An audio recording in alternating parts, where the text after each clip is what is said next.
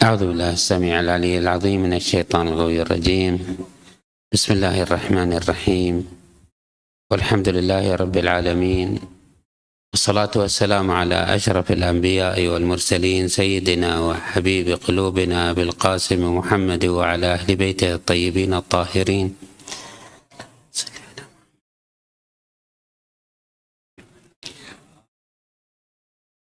ونسب إلى الإمام الصادق. اللهم صل وسلم على محمد وآل محمد. اللهم صل وسلم على محمد وآل محمد.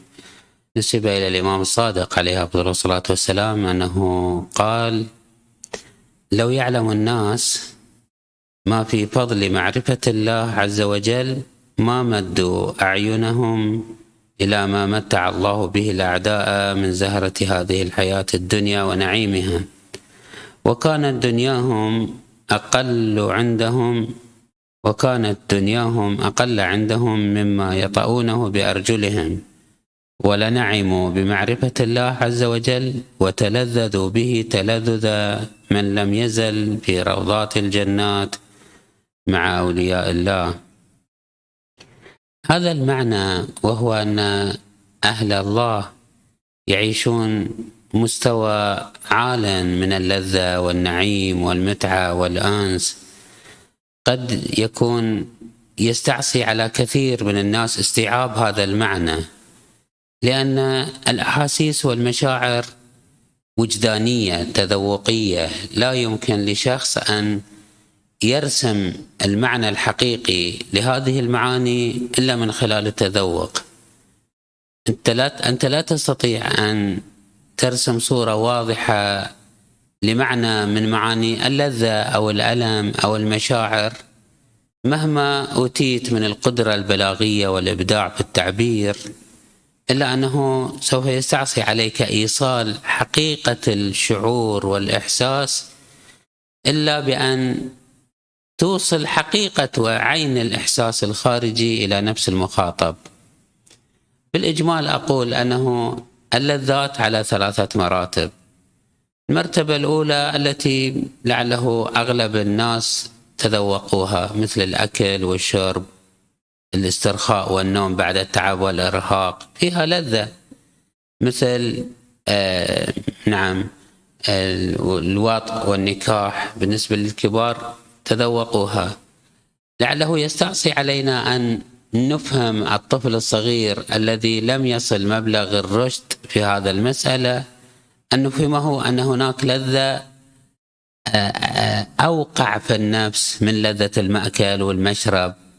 عندما تعرض على طفل مثلا حلوى وتقول له أنه أو أعطيك فتاة جميلة بلا شك هو يفضل الحلوى لأنه لا يدرك ماذا يعني من جمال في تلك المقامات. ولكن كل هذه المستويات من اللذة هي مرتبة من مراتب اللذة. وهناك مرتبة أسمى وأشرف وأراق وأنعم من اللذة المادية وهي اللذة العقلية. ولعله سمعنا بقصة ذلك العالم الذي اكتشف بعض الكشوفات فخرج عن طوق إدراكه فخرج وهو يصيح أين الملوك وأبناء الملوك من هذه اللذات لذة المعرفة وانكشاف العلوم والإحاطة؟ ولكن أيضا هناك مرتبة أرق وأنعم وأبهى وأولج في في في الإحساس.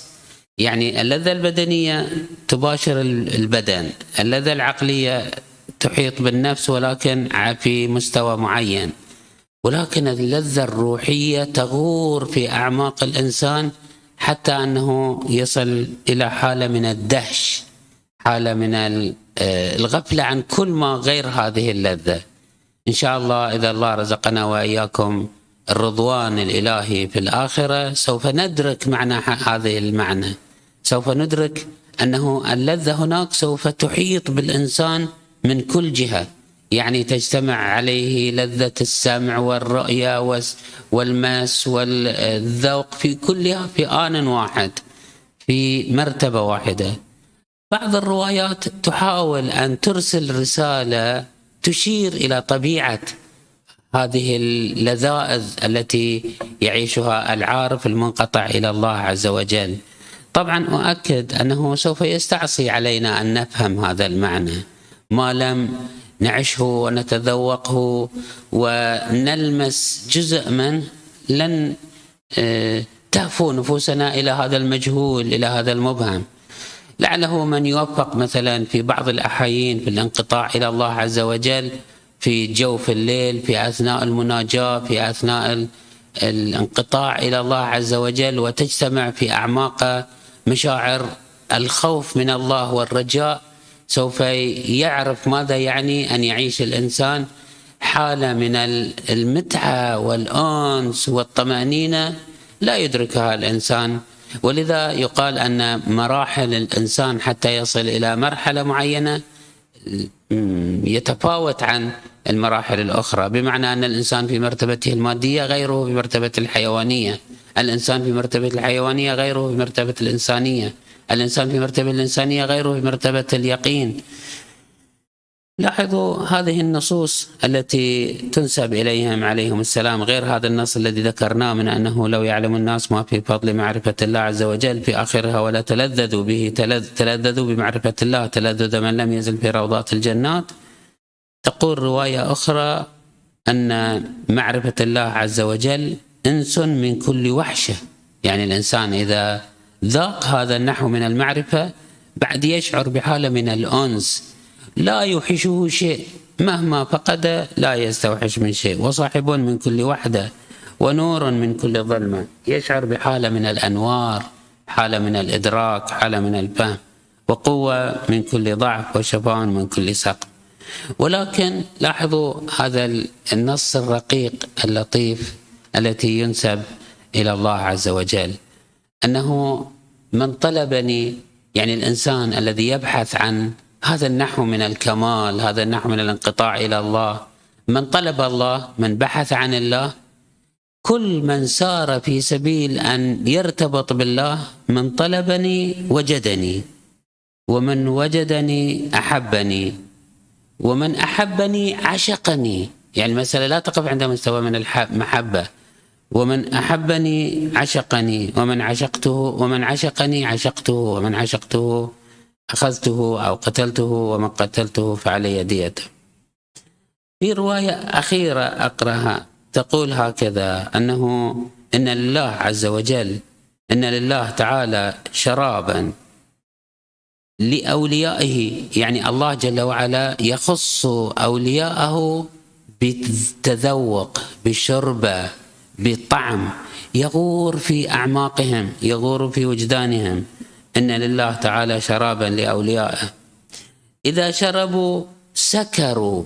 يعني من يذوق هذا النحو من الشراب لا يسكر كما يسكر أهل التيه وأهل فقدان العقل. وإنما يسكر بمعنى أنه يغفل عن كل ما غير الله.